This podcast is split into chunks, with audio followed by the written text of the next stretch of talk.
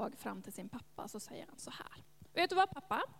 Jag vill inte vänta på att du dör innan jag får allt det som jag ska ärva efter dig. Jag vill ha ut alla mina pengar nu. Lät det snällt eller? Tror ni pappan blev glad när han sa så eller? Nej, inte särskilt. Men vet du vad? Pappan gör precis som sonen ber om. Så han får alla pengarna, stappar dem i fickan, sjukt nöjd med livet och så ber han sig därifrån. Och så åker han in till storstan. Han kanske åkte in till Stockholm, vem vet? Och där hittade han mycket saker han kunde spendera pengar på. Han bodde på de finaste hotellen, han köpte den dyraste maten. Han gjorde allt han kunde med sina pengar. Och det kom massa folk som faktiskt ville vara hans kompisar. För tänk, det är ju ganska roligt med någon som hela tiden spenderar och köper en massa häftiga, coola saker till en. Tills en dag så var pengarna slut. Vad skulle han göra nu då? Alla de som hade varit hans kompisar, alla de som hade velat umgås med honom hela tiden, de dischar honom nu och så går de därifrån och så tycker de att nu får du klara dig själv. Hopp, vad var det för kompisar? Det var väl inte särskilt trevligt? Att de inte kunde hjälpa honom tillbaka, nu var det väl deras tur att bjuda. Men nej, där stod han. Utan kompisar och utan pengar och utan familj. Vad skulle han göra? Det är väl dags att få ett jobb, tänkte han. Och sen så började han att leta efter jobb, men just nu så tror jag det var ganska svårt att få ett bra jobb. Så han fick det som för en jude var liksom ett av de lägsta jobben man kunde ha. Det var nämligen så, grisar tyckte judar, de är orena. Det är inga liksom, trevliga djur. Och han skulle ta hand om grisarna. Vet ni hur grisarna bor? Vad grisar brukar tycka om att göra? Vet ni det? Brukar de vara väldigt rena eller? Nej, de brukar älska att leka i leran och mysa runt i, liksom, så att det blir jätteskitiga. Och de skulle han jobba med. Och vet ni vad de äter för någonting? De äter det som vi egentligen brukar slänga i komposten. Det äter grisar. Så en dag så sitter den här killen och så tar han hand om de här skitiga grisarna som han inte tycker om någonstans. Och så tänker han, mitt liv blev inte riktigt så som jag hade tänkt mig faktiskt. Det var inte så här det skulle vara. Jag skulle leva lyxlivet och ha det fantastiskt och här sitter jag och tar hand om äckliga grisar. Och så kände han, åh vad jag är hungrig. Åh, tänk om jag bara hade haft du vet, den där steken som pappa brukar fixa på söndagar. Det lät gott. Med massa potatis och sås. Och... Han tittade till och med på maten till grisarna och tänkte, jag kanske ska äta deras mat för jag är jätte, jättehungrig. Skulle ni ha ätit grisarnas mat? Nej, det lät inte trevligt va? Och så inser han, okej, okay. vet ni, Alltså, det finns ju massa folk som faktiskt jobbar för min pappa. Det var nämligen så att hans pappa var superrik. Och han hade liksom som en stor gård där det fanns massa folk som fick faktiskt betalt för att jobba för honom. Han tänkte, alltså jag kan ju inte komma hem till pappa och bara låtsas som ingenting. Men jag kanske skulle kunna komma hem till honom och bara du vet, så här, be om förlåtelse och fråga om jag också får lov att vara en av dem som jobbar för honom. Alltså jag, jag behöver liksom inget stort eller så. Jag, jag kan liksom bo i ladan någonstans på gården om jag bara får komma hem och få liksom riktig mat. Tror ni att hans pappa skulle ta emot honom då? Tror ni att hans pappa är arg på honom? Tror ni det? Nej, han någon som skakar lite försiktigt på huvudet här framme. Nej, vet ni vad? Hans pappa har varje dag gått ut och så har han spejat och kollat. Tror ni att det här är dagen när min son ska komma hem igen? Jag längtar efter att han ska komma tillbaka hem. Han var inte arg någonstans. Så när sonen äntligen nu har bestämt sig, okej, okay, när jag kommer hem till pappa så lägger jag mig långflat och jag ber om förlåtelse och så frågar jag om jag bara kan vara som en av hans tjänare. Och pappan han står och spejar varje dag. Och så ser han hans son kommer. Vet ni vad han gjorde då? Tror ni att han stod där och väntade?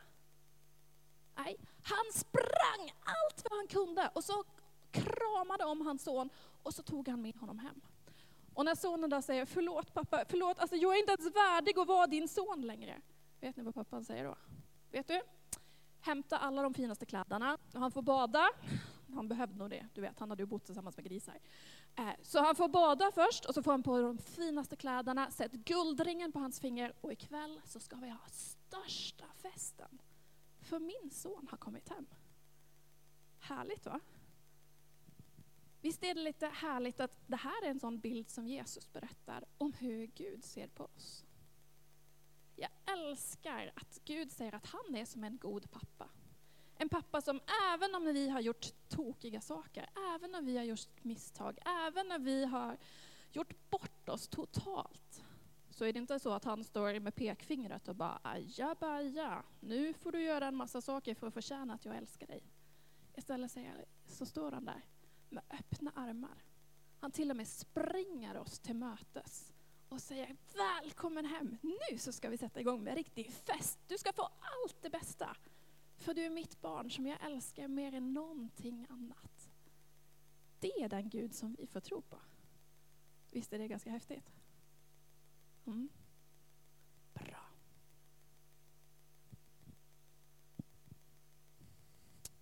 Då ska vi ta upp en kollekt som går till församlingens verksamhet. Jag ska också nämna det som händer närmast på Jesus gick runt på jorden så fanns det bland annat några människor som jobbade i templet. De här som sa att de egentligen kunde allt om Gud, vet ni vad de brukade kallas? Fariser och saduker. Och de här människorna, deras jobb var ju egentligen att hjälpa människor att hitta Gud. Men ibland så gjorde de det så himla svårt. Och ibland så hade de lite svårt för den där Jesus som inte riktigt passade in i liksom mallen och hur man tänkte sig att han skulle vara den där Messias som de har längtat efter och väntat på. En dag så är det så att Jesus han är iväg och då kommer det en farisé som tänker nu, nu så ska jag sätta honom på prov. Och det här är från Matteus och kapitel 22 och vers 37. Då står det så här att han ville sätta honom på prov och då frågade han Mästare, vilket är det största budet? Vad är ett bud för någonting? Vet ni? Vad är ett bud? Precis, en utmaning, en lag, någonting man måste följa. Och vet ni vad? Att judarna, då fanns det väldigt många lagar och bud man behövde följa. Det fanns typ lika många som det finns dagar på ett helt år. Det är många lagar att hålla koll på va? Och vet ni vad? Nu kommer Jesus med det största budet. Det viktigaste budet. Vad tror ni det handlar om? Lyssna på mamma och pappa kanske? Tror ni det? Är det det viktigaste budet? Ja, en del mammor nickar nu väldigt. Ja, det är det viktigaste budet. Vet du vad Jesus säger är det viktigaste budet? Han sa, du ska älska Herren din Gud av hela ditt hjärta, av hela din själ och av hela ditt förstånd. Alltså man ska älska Gud väldigt mycket, med hela sig skulle man kunna säga. Det är det största och det främsta budet. Och sen kommer en som liknar det här. Och vet ni vad det är? Du ska älska din näste som dig själv. Man ska älska andra människor. Så man ska älska Gud och man ska älska människor. Och Jesus säger, på det här, det här är egentligen fullbordan av hela lagen och profeterna. Det här är det viktigaste av allt. Om man ska tro på honom så behöver man älska Gud och älska människor. Allt handlar egentligen om kärlek. Allt handlar om att älska. Visst är det ganska fantastiskt? Mm. Okej, okay, vi tar och eh, spelar upp Ingen annan än Jesus. Ni får resa på er. Det är dags. Vi får röra på oss lite extra så här.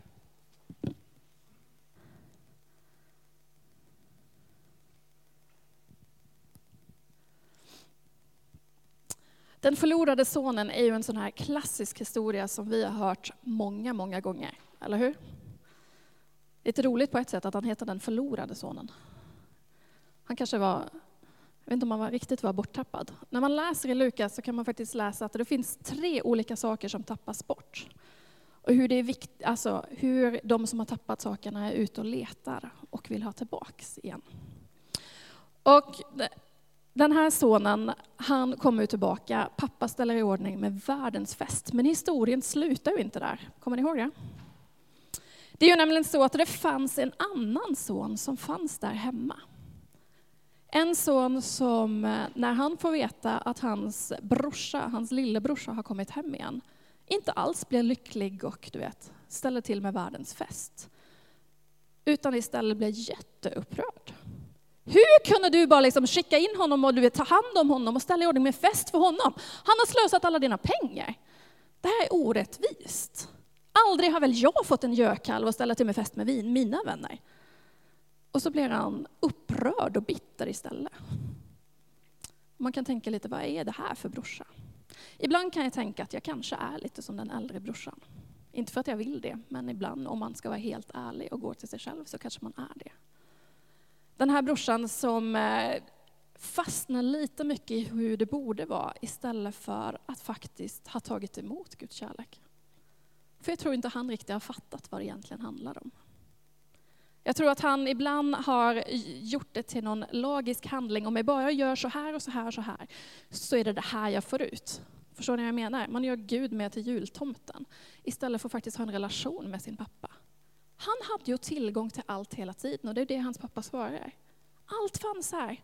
Du kunde ha haft fest varje dag om du ville. Allt det här, allt mitt är ditt. Varsågod. Och istället så blev du upprörd för att jag ville ta tillbaka din bror in i gänget igen. Jag tror att någonstans är det så att vi behöver möta Guds kärlek för att det ska göra någonting med oss. Det behöver få förvandla vårt synsätt och vårt hjärta och våra inställningar till andra människor. Det behöver få en konsekvens. Precis som eh, det här dubbla kärleksbudet, det här viktigaste budet, så slutar det inte bara med att vi ska älska Gud, utan det fortsätter med att vi också ska älska våra nästa. Eller hur? Det behöver vara så att när jag möter Guds kärlek och därmed vill älska honom tillbaka, inte för att någon har tvingat mig, utan för att det är så jag faktiskt känner. Och då älskar jag honom inte bara på söndagen när jag liksom sitter nere i lokalen här i kyrkan, utan det ska ju vara en del av mitt liv som bara kommer helt naturligt, eller hur? En del av min vardag.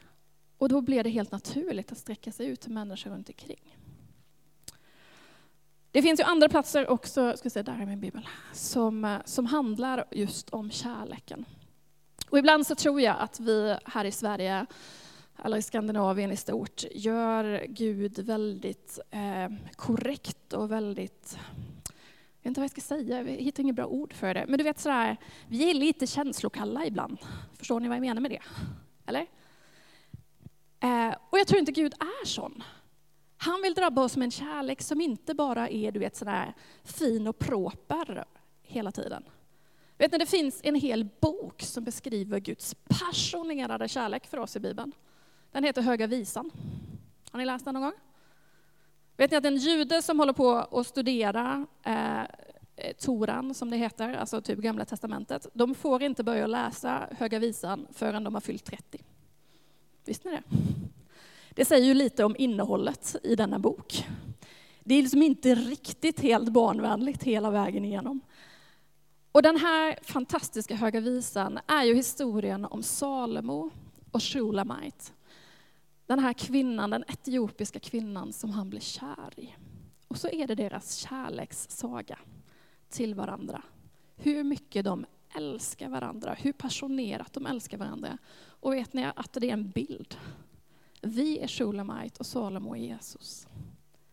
Så passionerat älskar han oss. Som Salomo beskriver sin kärlek till Shulamite.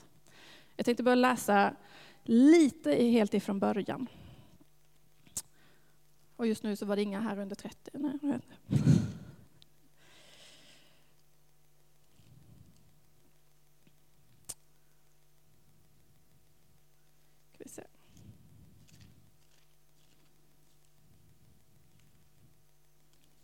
Plötsligt blev det jättesvårt att hitta här. Så.